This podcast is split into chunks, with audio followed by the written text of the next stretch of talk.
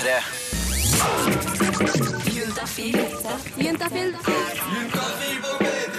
Med programleder Tuva Fellmann. Det kjennes ut som at det bobler i hele kroppen din. Eller vet du, det er faktisk som at det går en foss gjennom hele kroppen din. Du blir glad, du blir svimmel og kåt og fniste. Alt på en gang. Skjelven i knærne, men allikevel med masse pågangsmot. Det er ikke noe tvil. Du er forelska. Og spør du meg, så er det å være forelska noe av det beste som finnes på jord. Den følelsen, det å kjenne at du virkelig vil ha noen, det er så deilig. Med mindre det er grunner til at du ikke kan få denne personen. Da er det dessverre noe av det verste på denne jord. Det er en så grusom følelse. Og det er det vi skal ta tak i her på Intafil på P3 i dag. Det å være håpløst forelska. Tuva Fellmann heter jeg, og jeg skal med godt mot losje deg gjennom de neste to timene med både oppturer og nedturer. Og håper du hører på og koser deg med Juntafil på P3. Rumble in Rodos med låta Entirely Loveless her på Juntafil på NRK P3. Tuva Fellmann heter jeg, og eh, jeg skal være ærlig. Jeg har vært forelska mange ganger i mitt liv. Jeg er vel egentlig typen som fort blir betatt, eh, og så går det raskt over, men de gangene jeg blir forelska, så sitter det rimelig godt. Da er det liksom, da er det slitesterkt, jeg tåler det meste. Men en gang i mitt liv så har jeg måttet gi det opp, eh, og det var selv om jeg fortsatt var interessert, men jeg måtte konkludere med at dette her er helt umulig. Eh, For det som skjedde var at vi var mye sammen, jeg og denne, denne mannen. Og vi hadde det veldig fint når det bare var oss og der. Det var deilig frokost, og det var sånn putekrangel, og det var liksom helt maks da han traff vennene mine, og det gikk eh, kjempebra. Og etter hva jeg kunne spå, så tenkte jeg at dette her kan faktisk vare, vare liksom. Dette kan jo bli noe. Og da tenkte jeg at jeg kunne liksom sette opp forventningene litt, da. Eh, Siden når vi først var på det nivået vi var, da kunne jeg liksom sette opp et lite hakk. Og da satte jo han sin innsats ned et lite hakk. Det var bare småting, men det var eksempel at jeg kanskje ikke fikk kontakt med han på lørdagskvelden, eller at jeg fikk kontakt, men det var ikke før klokka tre på natta, eller vi møttes for å spise lunsj med mine venner, og så kom han liksom tre kvarter for seint. Det var masse sånne ting, og da spurte jeg jo er du ikke forelska lenger, er det, er det det som skjer? Eh, og det sa han at det var han, det var bare disse eh, forpliktelsene, det var, disse, det var denne rammen som han ikke greide. Det ble mye om og men, og, og han sa at dette det får jeg ikke til, men jeg kan få til det vi hadde før. Uh, og da sa jeg at men jeg kan ikke få til det vi hadde før når vi har kommet dit hvor vi er nå. Og etter mye om og men så endte det i at det var masse kjemi, og det var masse interesse, alt var der. Men personlighetsmessig så bare matchet vi ikke. Altså Tanken om hvordan vårt forhold skulle være, det bare gikk ikke i hop. Det var som eh, to batterier som blir stilt opp mot hverandre på den siden hvor de bare dytter seg vekk fra hverandre. Og Jeg skjønte at dette var helt umulig, og jeg måtte bare gi opp. For sånn er det av og til at noen situasjoner, de klaffer ikke. Og heldigvis er ikke jeg den eneste som har sånne situasjoner. Om ikke så altfor lenge så skal du få møte Anette, som også forelsket seg i noen hun virkelig ikke kunne forelske seg i, eller en slags umulig kjærlighet. Hva det var, det får du straks vite her på P3. Dette er P3. Eh, og jeg, Tuva Fellmann, har nå fått besøk av Anette på 24 år. Velkommen til Juntafil, Anette. Tusen takk. Du, ehm, du har blitt, eller ble forelska i en som du virkelig ikke kunne bli forelska i. Ja, det ble jeg. Kan ikke du fortelle hva som skjedde? Jo, eh, det var en sommer, det er noen år siden nå. Så mm, var det da kjæresten til, eh, eller ekskjæresten til en venninne av meg, som eh, jeg var veldig god venn med. Og så var det en sommer, alt var flott, og vi var en del sammen. Det skjedde ingenting, vi bare var- blei veldig gode venner i løpet av den sommeren, da, og tilbød mye tid sammen. Både hjemme hos hverandre og hos venner. Og så rullet tiden, og vi holdt kontakten, og ble sånn at vi ringte hverandre og jeg sendte meldinger hver dag, og så kjente jeg på en sånn følelse at, at jeg alltid ville hjem. At jeg ville liksom ikke være der jeg var. Eh, og at det var da av denne personen som, som trakk meg. For han var der hvor du var fra, på en måte? Ja. Nettopp. Eh, så jeg fikk sånn følelse at jeg, at jeg ville bare hjem, da. Og tenkte bare sånn, herregud, nei, dette er jo bare ett tegn, og det er jo at jeg har begynt å få følelser for denne personen. Eh, og at eh, dette her kan jo virkelig ikke skje, fordi det var jo ekskjæresten til en god venninne av meg. Eh, og man veit at det er jo fy-fy. Kjempe-fy-fy. Men så ble jeg litt sånn der, ja, er det ekte kjærlighet, så er det kanskje verdt det. Og så forhørte jeg meg med noen venninner, og de var litt sånn, nei, du burde fortelle det. De fleste var sånn, ja, du burde fortelle det til henne. Um, og så var det noen som var sånn, nei, uff, hvis det, er, eh, hvis det blir liksom et forhold ut av det, eller hvis det blir noe seriøst, så kan jeg fortelle det da. Det er kjedelig å på en måte fortelle det, og så blir det ingenting. Så jeg valgte da å ikke fortelle det. Okay. Og um, tiden fortsatte, og vi eh, holdt kontakten. Han kom og besøkte meg. eh, Han der kom på besøk, liksom? Ja, og bodde hos deg, da, eller? Ja, i en, en helg. Og det var veldig fint, og i løpet av den helgen så, så skjedde det jo saker og ting, og alt var liksom rosenrødt, og det var liksom, jeg kjente liksom at å herregud, det her er så hyggelig, fordi jeg kjenner han så godt, da, eh, og har liksom visst han har vært kjempelenge. Og så kom jo liksom juleferien, jeg reiser hjem, og vi møtes og ser film, og møter foreldrene hans, og alt er bare helt tipp topp. Men er det da, da er det ingen sånn liten klump som ligger i magen hos deg, som tenker at dette her er er ekskjæresten til venninna mi? Det er jo det. Ja, det er det, ja. Ja, herregud, det lå i bakhodet mitt hele tiden. Så, så, så nå er vi i jula, du har truffet foreldrene, alt er egentlig ganske tipp topp, bortsett fra den lille klumpen. Ja, alt er ganske bra. Eh, Vi har det ganske hyggelig. Og, men alt det er jo den følelsen at det her er jo feil. Eh, Jeg har jo ikke lov til det her egentlig. Jeg svikter jo en venninne, og jeg har alltid vært litt sånn her eh, jenter, da, eller venninner, før eh, kjærester. Fordi venninner har du jo forhåpentligvis resten av livet. En kjæreste kan jo plutselig bare falle vekk. Mm. Men eh, Så hvordan ender dette her, da? det ender ikke så bra, faktisk. Eh, Det ender ikke med noe drama, eller at hun får vite det, eller at jeg forteller det, for jeg fortalte det aldri. Eh, Og jeg tror ikke noen andre fortalte det heller. Men det, det endte da med at eh, han til slutt sluttet å ha kontakt. Eh, Helt sånn plutselig. Og da fikk jeg litt sånn å nei, herregud, og det gjorde det veldig vondt, eller det var veldig sånn frustrerende, fordi jeg visste jo ikke hva som hadde skjedd. Hadde, hadde jeg gjort noe galt? Jeg tenkte sånn, herregud, har jeg bæsjet på han? Eller hva har jeg gjort? på en måte? Har jeg drete meg ut? Eller Ja. gjort, liksom, gjort at han ble flau over meg, at han ikke vil mer? Ja. Og så måtte jeg snakke med mm, en god venninne av meg, som også er veldig god venninne med han, og hun var liksom der, det eneste jeg kan se for meg, er at han, at han har fått panikk av at du er venninnen Ja. til ekskjæresten hans, og at eh, han også tenker at det her kan ikke skje. Fordi det er så Vi kommer fra et lite sted, begge to, og ting sprer seg veldig fort og kommer liksom helt til utakt. da. Kommer ut på helt feil måte og sånne ting. Så det ble veldig, plutselig veldig stille. Og så tenkte jeg bare sånn, ja vel, men det er jo kanskje, kanskje like greit, da. Fordi da slapp jeg å ta den eventuelle praten med, Med henne. Men eh, så, så selv om det egentlig fungerte veldig veldig godt, så måtte dere legge det fra dere pga. omstendighetene? Kan vi da anta? Ja, jeg vil anta at det var derfor at, at eh, enten så var det for godt til å være sant, eller så var det fordi eh, han fikk panikk. Men har du eh, dårlig samvittighet en dag i dag for at du har holdt på med eh, altså ekskjæresten til din venninne? Litt dårlig samvittighet, eh, men det ble jo aldri noe forhold eller noe seriøst ut av det.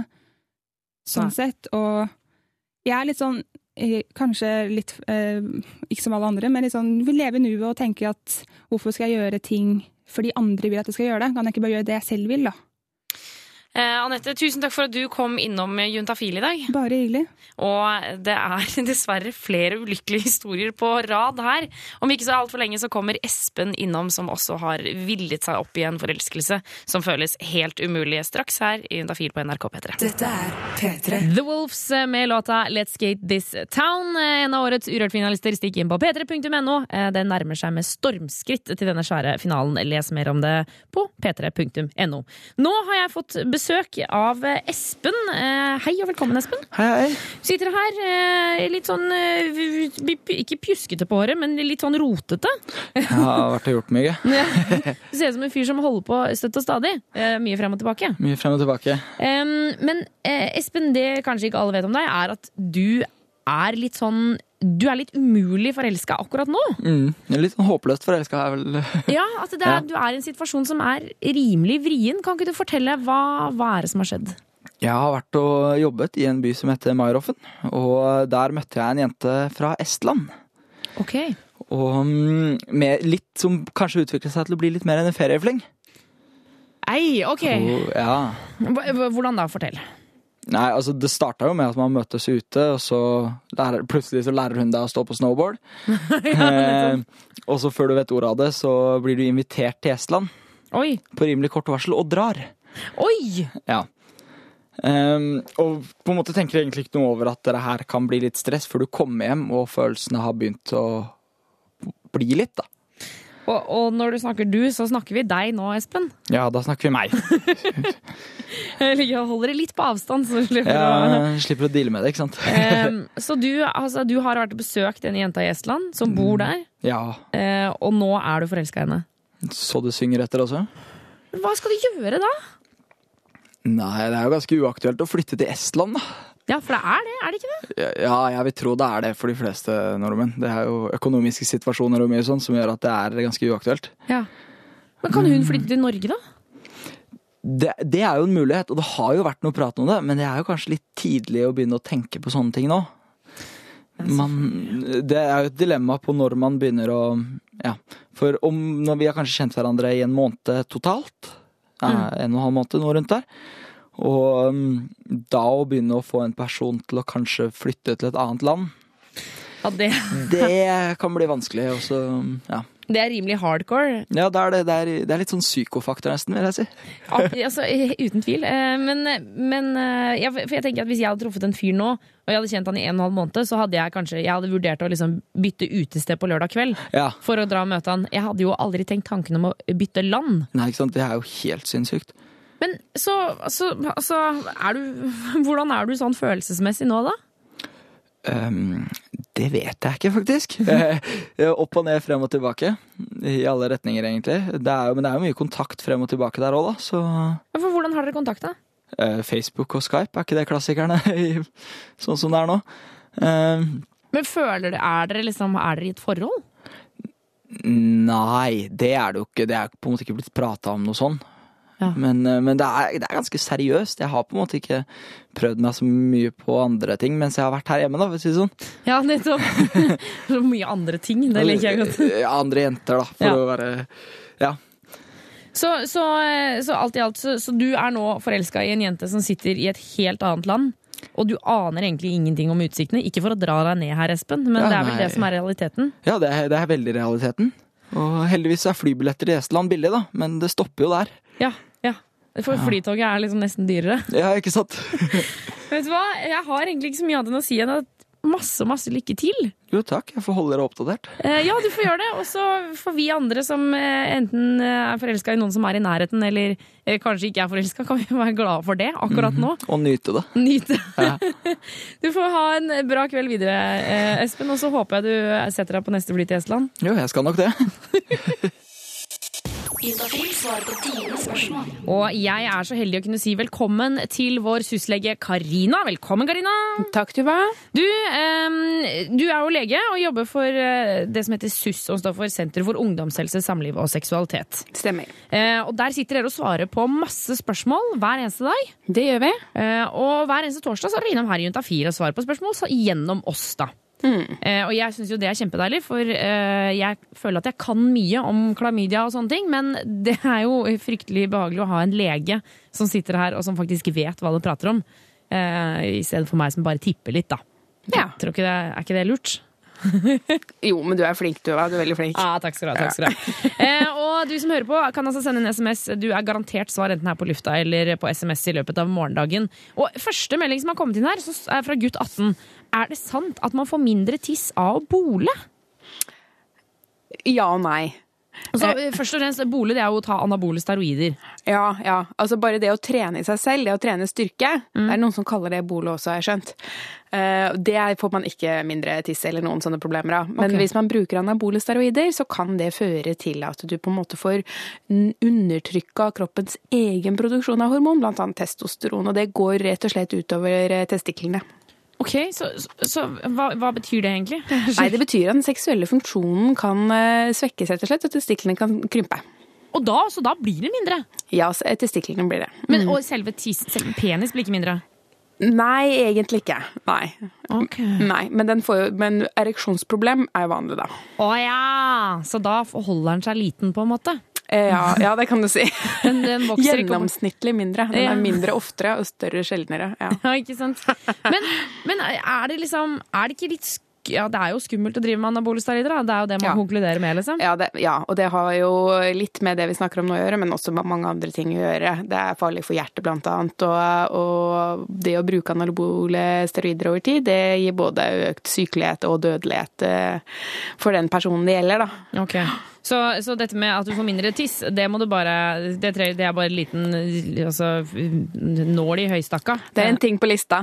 Ja, ikke sant? Ja, ja. Ok, Så da anbefaler jeg folk å bare holde seg langt vekke fra anabole steroider. Ja. eh, Og heller eh, pumpe opp til den fulle, faste ereksjonen du vanligvis har. Yes. Så får du heller jobbe med det, da. Pumpe og bole der. Ja. Um, du Karina, skal bli her en god stund til, eh, faktisk til slutten av sendinga vår klokka sju, eh, og svare på spørsmål. Hvis du eh, der ute har lyst til å svare på, nei, stille spørsmål, så sender du det til 2026, kodeord juntafil. Husk å ta med kjønn og alder på SMS-en din, så Karina får gitt deg et riktig svar. Få svar på dine spørsmål om sex, kropp og følelser. Send melding til kodeordet til 2026. Og eh, vår eh, syslege Karina sitter fortsatt her i studio eh, og skal svare på meldinger. Er du klar for neste, eller, Karina? ja. Ja, du har ikke noe valg. Nei. Dette får du betalt for. Så du får smile og være glad. Ja. Um, det står eh, på neste SMS her. Hei, juntafil. I det siste har jeg ikke blitt ordentlig våt når jeg skal ha sex med kjæresten min. Jeg er ikke sikker, men jeg tror det kanskje er fordi at vi ikke varmer opp ordentlig. Uh, Det er ofte så fort på sex. Uh, Hvordan kan jeg si det til han? Vil ikke klage heller, liksom. Hilsen jente 24. Ja. Det er alltid litt vanskelig å, å gi spesi spesifikke råd når det kommer til disse tingene her, men eh, vi får gjøre noen antakelser om at hun eh, om at de, er, eh, de prater sammen om noen andre ting, sånn at eh, kommunikasjonen i utgangspunktet er grei. Ja. Og da er det hvordan si akkurat dette. Ja, hvordan, Det er hvordan, vanskelig. Ja, hvordan si sånn 'du er for kjapp'. Og, og jeg skjønner jo også derre det, det med å si sånn 'du må gjøre mer på meg'. Eh, at det er meg vi må fokusere på, eh, istedenfor at du skal bli tilfredsstilt. Det er jo litt sånn Det er jo litt vrient å, å be om, jeg skjønner jo det. Ja. Eh, hvis man er litt usikker. Ja, men det som er sannsynlig da, og som eh, det ikke er sikkert hun tenker så mye på, det er at eh, kjæresten hennes nok sannsynligvis er opptatt av at hun skal ha det bra. Ja. Ja. Og det kan jo hende han ikke vet at eh, kvinner ikke er like hurtige sånn rent seksuelt som menn. ja, for det er jo det som er forskjellen, er at gutter får jo liksom Tilsynelatende så er jo de klare idet de får ereksjon, på en måte. Mens jenter, sånn, altså sånn fysisk sett, må jo varme opp mer for å bli våte i kjeden. Det er jo det som blir forskjellen, liksom. Helt riktig, fordi rent fysisk, fra man får den tanken i hodet og følelsen om at man har lyst, så tar det lengre tid før kvinnens eh, Altså rett og slett før kvinnens eh, underliv reagerer, da, i forhold til mannens, som går i noen tilfeller meget raskt. Ja. Ja. Kjempekjapt, faktisk. Tjoff! Ja, ikke sant? Ikke sant. Og hvis han ikke vet dette, så må jo dette fortelles, da. Ja. Eh, og da kan hun jo Hun kan jo eh, bare si det til han og si eh, du, jeg tror kanskje ikke du vet det her. Eh, nå skal jeg fortelle deg noe. Det tar lengre tid. Eh, men hvis eh, altså, Det er ikke sikkert det passer for de. Nei, det går jo an å rose det som eh, altså det, det gjør jeg ofte i eh, situasjoner som jeg prøver å komme ut med. Så pleier jeg å ta tak i liksom, det som er positivt. Og si sånn Vet du hva, jeg syns det er så utrolig deilig når vi bare kliner litt først, og du tar på meg en stund og sånn. Elsker måten du gjør det på. Kan ikke du gjøre det litt mer? Eh, For da blir det liksom en sånn der Å, kult for han, liksom. Ja, for nettopp. eh, Det, du er inne på noe veldig viktig, og det er at det, det tas gjerne penere hvis man eh, får forespørsler og positive tilbakemeldinger, enn hvis man får negative tilbakemeldinger og beskjed om å ikke gjøre ting. Mm. Så det er jo også en god idé. Det er jo klart det er ikke noe fasitsvar her, for det kommer jo veldig an på dere, de, de to. Mm. For noen par så er det kanskje det beste å, å, å legge fram litt sånn eh, generell eh, opplysningslitteratur, noe jenteblad eller noe blad opp på en side der det står litt om dette. noen, noen har den type kommunikasjon. Nei, Karina, det kan du ikke mene! At du skal flekke opp en sånn Det Nei. nye! Hvordan få meg til å komme? Helt riktig. Jeg, jeg mener ikke at jeg skal gjøre det, men jeg prøver bare å belyse litt grann her at eh, det er forskjellig type kommunikasjon. Ja. Og um, det er viktig at, eh, at hun finner en måte som hun er komfortabel med, for hvis ikke så blir eh, Kommunikasjon går ofte i spinn hvis man ikke føler seg trygg på måten man, man tar opp ting. Ja, og for det er jo viktig at han ikke skal bli usikker. Altså, Vi skal Ja. ikke knuse hans selvtillit. Nei. Så eh, for å oppsummere, da, så tenker jeg at eh, vi, vi kan jo si at ønskeliste er bra, Ja. og klaging er, eh, er ikke så bra. Så eh, Rosing er bedre enn klaging. Ja. Ja. Og hvis hun vil ha noe helt spesielt, helt spesifikt, så, så bare si det rett ut. Ja, ja. For han kommer ikke på det selv. Det er vanskelig. Mm. Em, vi skal svare på flere spørsmål etter hvert. Nummer er 2026. Koder er juntafil. Eh, Husk å ta med kjønn og alder. Send SMS med kodeord juntafil til 2026. Syslege Karina sitter fortsatt parat og klar i studio. Eh, og Karina, eh, skal vi fyre løs med neste SMS? Ja, ja. Em, her står det Hei, jeg har hørt rykter om at p-piller er farlig. Er det sant? Om det ikke er sant, hvor kan jeg få tak i de? Ja. Det var fint. Det var veldig fint. konkret. I tilfelle, hvis det ikke er farlig, hva, hvor finner jeg de da? La oss svare på det første. Ja. P-piller er ikke farlig helt generelt. Hva betyr det? Det betyr at for jenter som eh, ikke har da spesielle risikofaktorer for særlig blodpropp, så er det ikke farlig å bruke p-piller, faktisk. Så er eh, um, Altså for de aller, aller fleste så er det, så er det helt eh, problemfritt. Men det er jo noen som har en, eh, en tilgrunnleggende risiko for å få blodpropp, og de, de skal ikke bruke p-piller. Og det er grunnen til at man må gå til lege eller helsesøster for å få p-piller hvis man er ung, og bare lege hvis man er over 19. Ja, fordi jeg blir litt sånn Altså, hvordan kan man vite? Jeg blir, kjenner at jeg vet jo ikke om jeg liksom har grunnlag for å få blodpropp, på en måte. Nei, og det er jo jobben til eh, legen eller helsesøster, da, å stille de spørsmålene og ta et blodtrykk. Ja. eh, For å kartlegge da om du faller i en risikogruppe eller ikke, om du skal ha p-piller eller ikke. Men det er sjelden vi ikke kan gi p-piller til, til særlig unge jenter. Ok, Spør de om du røyker og ja. ikke sant. Så da kan vi feie det første spørsmålet av, uh, av denne SMS-en. I utgangspunktet så nei, så er ikke p-piller farlig. Nei. Og hvis det er farlig for deg, så løser det seg greit. For hvor får man tak i de? Nemlig hos lege eller helsesøster hvis du er mellom 16 og 19 år. Og de vil jo da fange det opp og ikke gi deg p-piller hvis de er farlige for deg. Ikke sant. Så, så hvis, hun, hvis en jente har lyst til, på p-piller, så som du sier, helsesøster eller lege. Um, men hvis, altså, hvis man ikke har lyst til å gå på p-piller, da, er det liksom, hva slags andre prevensjonsmidler finnes? Det er jo kondom, selvfølgelig. Ja. Som er det lureste hvis det er eh, på en måte eh, altså, Da beskytter du mot uønsket graviditet og kjønnssykdommer. Mm, det er kjempelurt. Ja. Men hvis man ønsker et sånn type fast prevensjonsmiddel, da, så man ikke trenger å tenke på når man skal ha sex, mm. så er jo p-piller eh, en eh, del av en større kategori, med det vil si hormonholdige eh, prevensjonsmidler. Og da har vi også da p-plasteret og p-ringen som sittes i skjeden, og p-spiralen. Og p-implantatet, som er den lille fyrstikklignende gummipinnen som man får inn under huden. P-stav, liksom. Fordi det syns jeg Det sier jeg, jeg føler jeg sier hver gang. Jeg syns det høres jæskla skummelt å operere i noe under huden. Å ja, det er nok ikke en operasjon, det er mer som et eh, litt tjukt sprøytestikk som man får etter at man har fått bedøvelse rundt. Ok. Og så sitter det der. Hvor lenge kan den sitte der, da? Du, eh, det er i tre år, og så må man bytte den. Ok, nettopp. Jeg skjønner. Eh, jente 16, masse lykke til med disse p-pillene, eventuelle andre prevensjonsmidler. Eh, nummeret inn er 2026, kodere er juntafil. Husk å ta med kjønn og alder. Klokka den har bikka seks, og du hører på Juntafil på NRK P3. Og vi vil jo selvfølgelig at du skal være oppdatert på nyhetene, så derfor så gir vi deg nyhetene her på Juntafil. Du hører på NRK P3. Dette er Seks nyheter. God kveld, dette er ukas viktigste nyheter. Sexscener kan bli kuttet fra Fifty Shades of Grey, og rocker angrer på penis piercing. Men først til Storbritannia. Welcome to Downton. Downton Abbey, coming soon. Populært britisk kostymedrama for pornoparodi.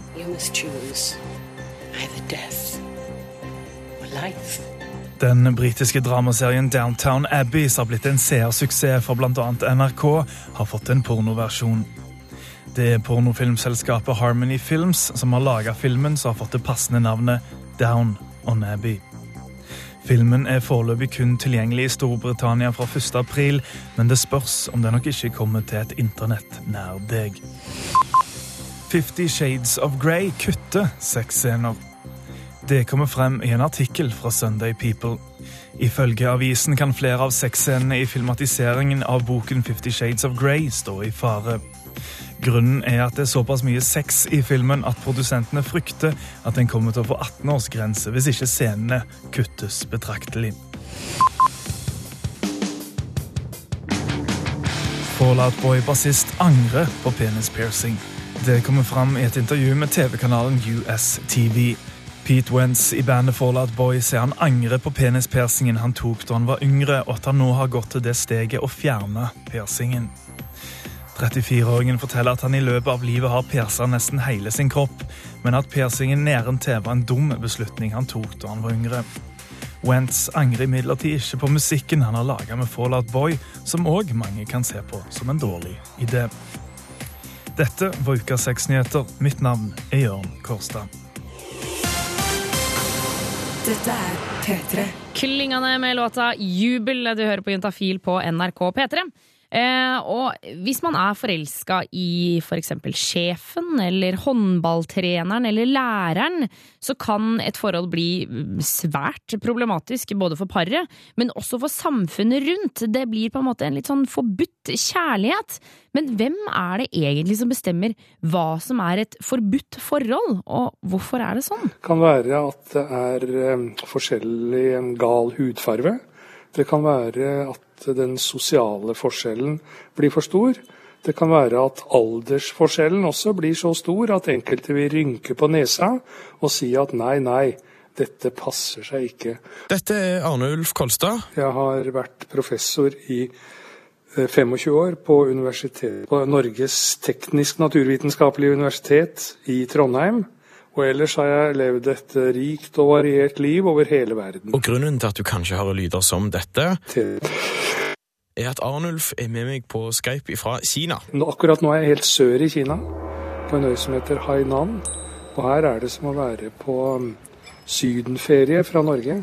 Masse palmer og sandstrender og varmt badevann. og hyggelige mennesker. Og Dette med Kina er litt av grunnen til at vi prater med nettopp Arnulf om forbidden love. Jeg kan jo også si at jeg er jo, jeg er jo gift med en kinesisk eh, dame som er eh, mye yngre enn meg. Hvor gammel er hun, og hvor gammel er du? Jeg skal vi se nå jeg, jeg er 71, og hun er 37. Og vi har altså en gutt på fem år.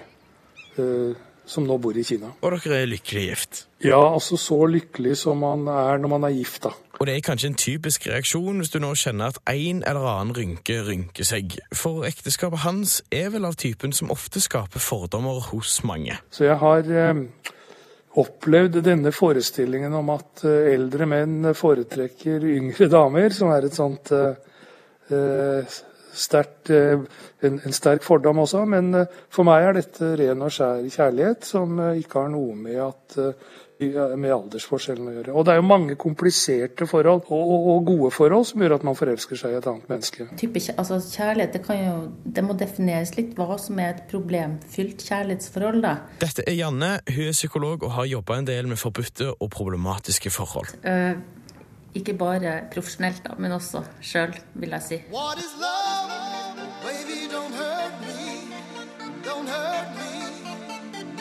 Når vi prater om forbudt kjærlighet, så kan det bety mange ting. For selv om en kanskje ikke tenker på det, har samfunnet et slags bilde av hvordan et ekte par skal se ut. Og alle forelskelser som skiller seg fra dette glansbildet, står i fare for å bli sett på som forbudt eller ugreit av andre. For du har jo både sunne og usunne forbudte kjærlighetsforhold, vil jeg tenke. For noen ganger så er det jo mer kulturen og religion og sånne ting som stopper et forhold. Eh, der en kanskje skal kjempe for den kjærligheten allikevel. Jeg syns dette med homoseksualitet er jo et veldig godt eksempel på noe som har vært forbudt. Både ved lov og, og ikke minst uh, uh, gjennom normene. Men, men, der har det vært en, en, endring i løpet av de siste 50 år, la oss si det, i, i vårt land også.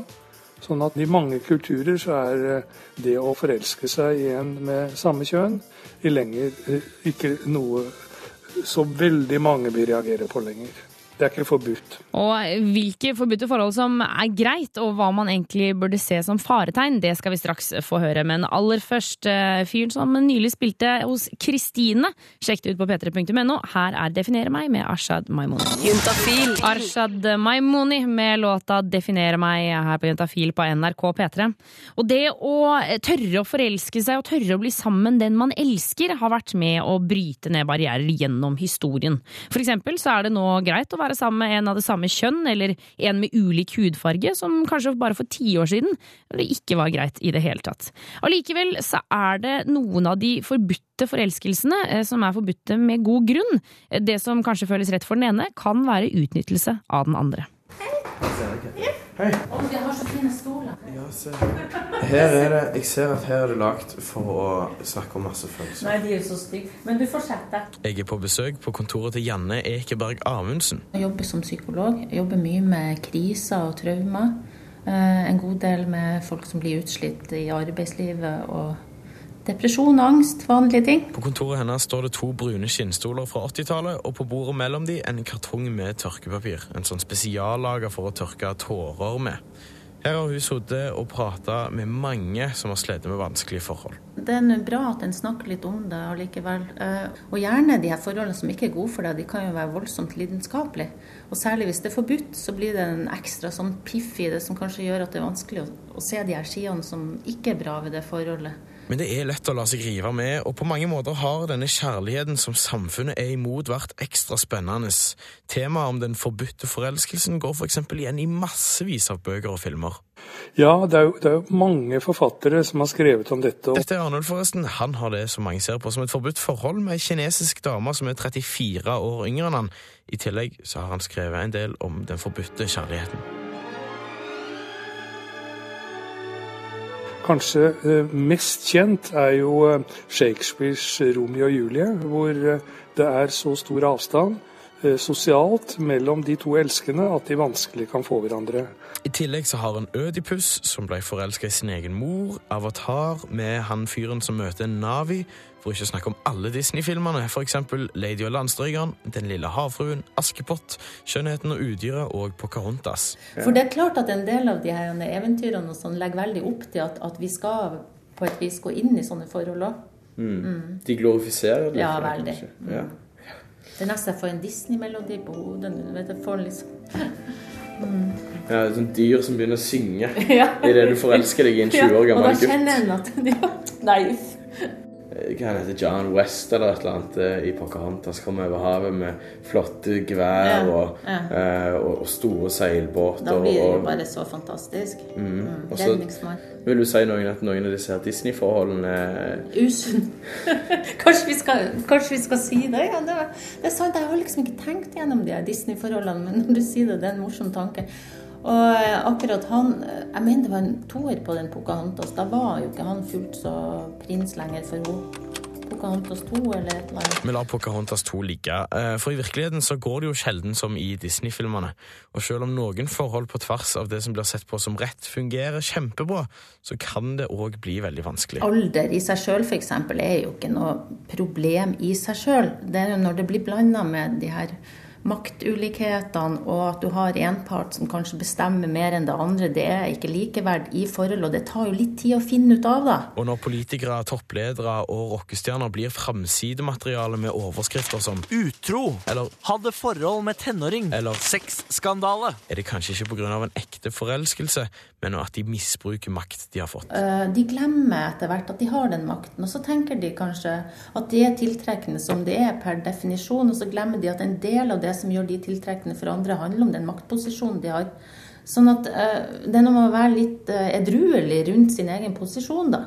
Og skjønne at kanskje ikke jeg er Guds gave til kvinnene, kanskje det handler litt om den posisjonen jeg har fått. Sånn at en ikke går inn i det her, eller latt seg friste av, av de her type forhold. Det er eh, noe å tenke på. Eh, Reporter her er eh, Lars-Erik Andreassen. Hvis du nettopp skrudde på radioen og tenkte ah, jeg fikk ikke hørt starten, så kan du stikke inn på radio.nrk.no, og så kan du spole tilbake og høre det en gang til.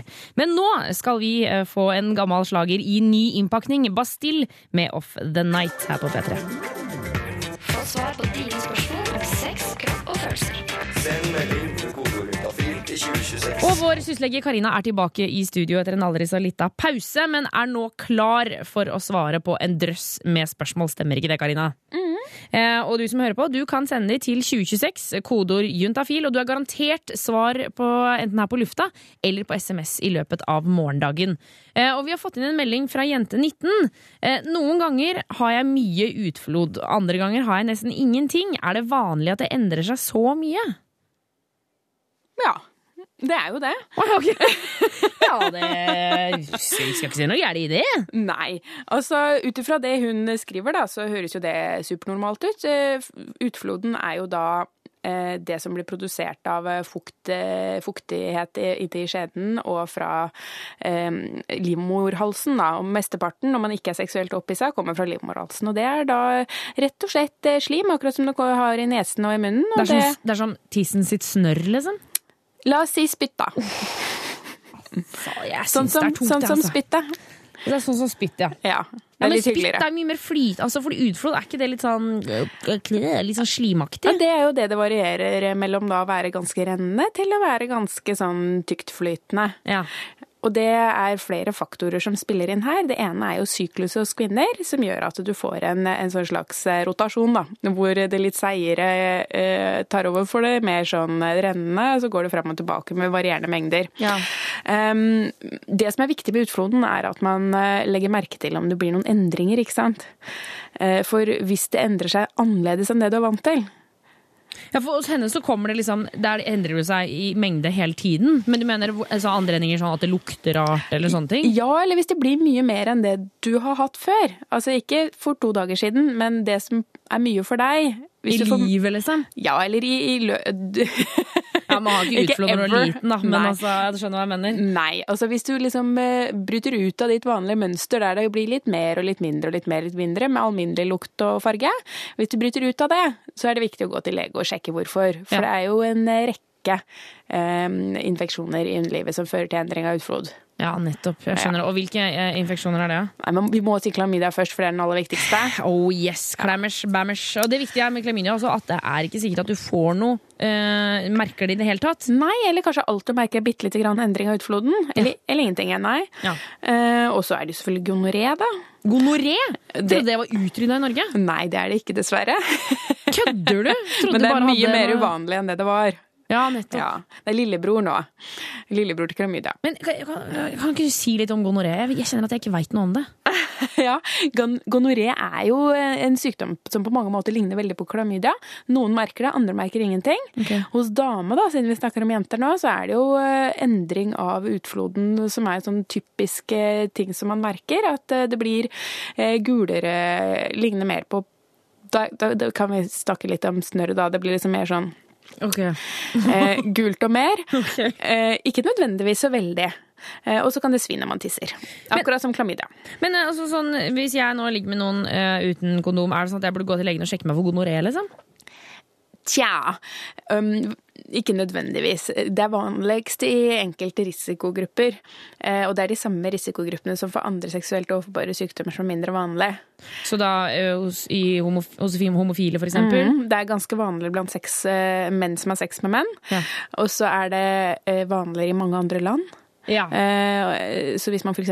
er fra Thailand, så er det mye mer sannsynlig Ja, at du har det. Eller hvis du har hatt sex med noen i Thailand, så er det også mer sannsynlig. Okay. Eh, Men eh, når liksom Morten, eh, 19 år, har sex med Marte, 19 år, eh, på Tynset, så tror jeg er det lav risiko. Ja, ok. Så da kan vi slappe av, liksom. Ja. Eh, eh, nå har vi, jeg kjenner at vi har gått helt vekk fra Ja, det var denne utfloden, da. Ja, men vi, Ja. Så, så i utgangspunktet, som du sa, ja, det er helt eh, vanlig det, at det endrer seg litt. grann. Ja, og det er også meninga. Ja. ja, men da har vi fått svart på det. Em, du som hører på, kan sende en SMS til 2026, kodeord juntafil, eh, og spørre om hva du vil når det kommer til sex, kropp og følelser. Syslegen forteller oss noe vi ikke vet.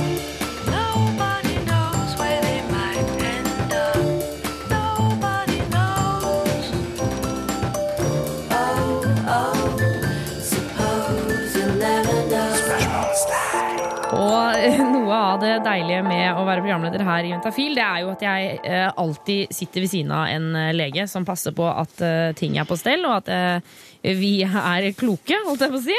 Eller dere er kloke, og jeg blir smartere av det. Karina, som er vår syslege i dag.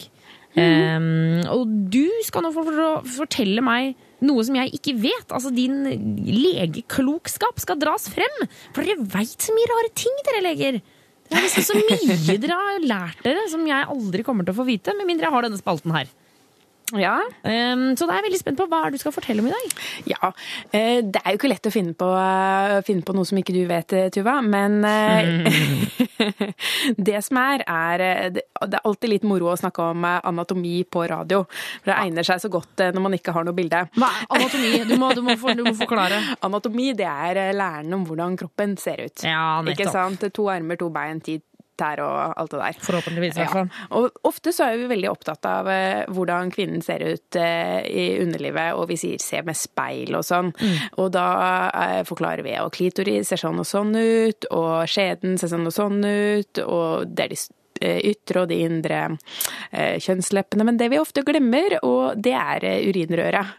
Urinrøret? Urinrørsåpningen. Det er eh, faktisk sånn at eh, det er ikke så sjelden jeg eh, treffer på eh, mennesker som ikke har noe formening om hvor urinen kommer ut av jenta. Alle vet hvor den kommer av gutten. Oi. At man ikke veit hvor den kommer fra? Nei, altså de vet at den kommer der nede, men uh, at ikke jeg helt sånn uh, klarer på, på nøyaktig hvordan og, og hvor. Uh, Og særlig menn, da. Og derfor tenkte jeg at vi skulle ta en liten recap på det. Ja, ja, ja, ja det syns jeg er lurt. Ja, og da er det jo sånn, klitoris den begynner jo folk å, å få med seg hvor sitter, tror jeg, lengst fram mot magen, og så har du skjeden da, som er det hos kvinner som har hatt samleie, største hullet der nede. Ja.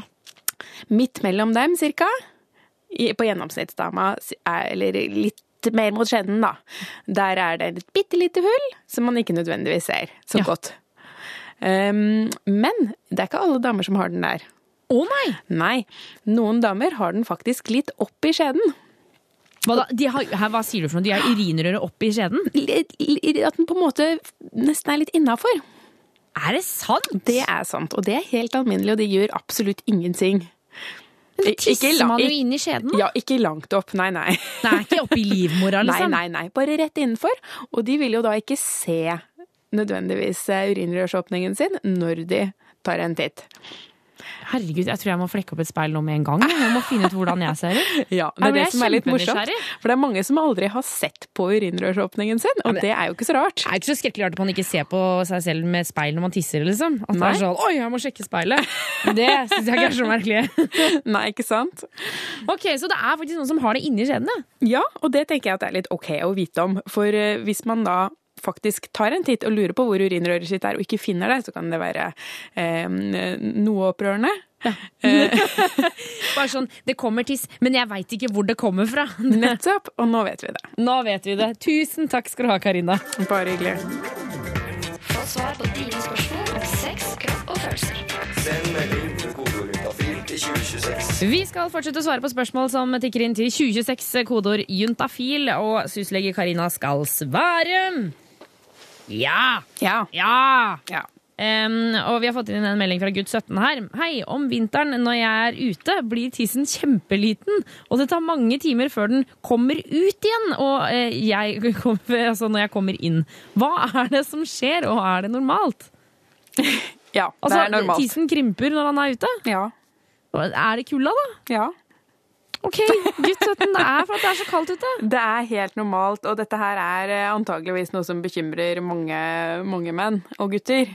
At eh, det skjer så mye der nede når temperaturen er eh, annerledes. Ja, for jeg tror jeg hadde skvettig gått til hvis eh, jeg gikk ut og så var plutselig puppene mine mye mindre. Da hadde jeg blitt litt sånn Æsj, skjer nå. Ja, ikke sant? Nei, dette her er helt normalt. Eh, Det skjer jo, en, altså, det skjer jo mer i kulda med eh, guttens, eh, guttetissen. Altså, eh, testiklene trekker seg jo også opp, ikke sant? Og det bidrar jo til at, eh, at man legger merke til at her var ting smått. Ja, fordi altså, det, det er det rare med utstyret der nede, at det skal holde Er det 37 grader hele tiden? Nei, ja, 34-35 er det disse testiklene skal ha da, ikke sant? Oh, ja, for de skal være litt ekstra kalde, de. Ja, det er derfor de henger på utsiden i utgangspunktet, hvilket er en dårlig løsning på alle andre mulige måter. Å ja! Er det derfor de er utafor, ja? Yes. Fordi at de skal være litt kaldere enn resten av kroppen? Ja. Og så når de, blir, når de kjenner at nå ble det litt for kaldt, så trekker de seg inntil kroppen, så får de litt varme.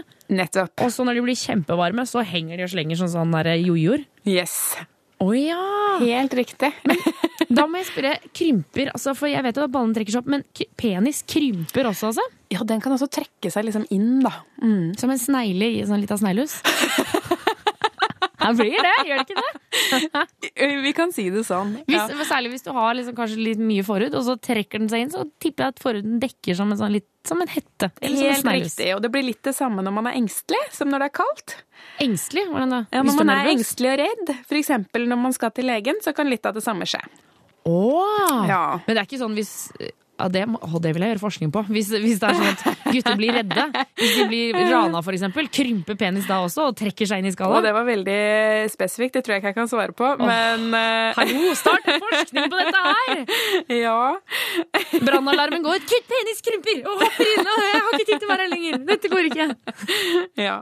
Poenget er jo at den kan på en måte endre seg litt grann eh, ut ifra eh, situasjonen, og det er helt greit, og det er ingen varig eh, tilstand. Nei, for den kommer seg ut igjen etter hvert. Den kommer rett ut. Ja ja, da, da får ikke du svar på det, gutt 17. og grattis med det. Nummer inn er 2026, koder er juntafil. Send SMS med kodeord juntafil til 2026. Og eh, før du eh, pakker veska og går eh, suslegge Karina, så tenkte jeg at vi skulle få med et eh, aldri så lite spørsmål til. Mm. det er fra Jente23. Jeg har et rart problem. Hver gang jeg har sex med en kondom, så svir det i flere timer etterpå. Hva er galt? Det lurer jeg også på. Ja.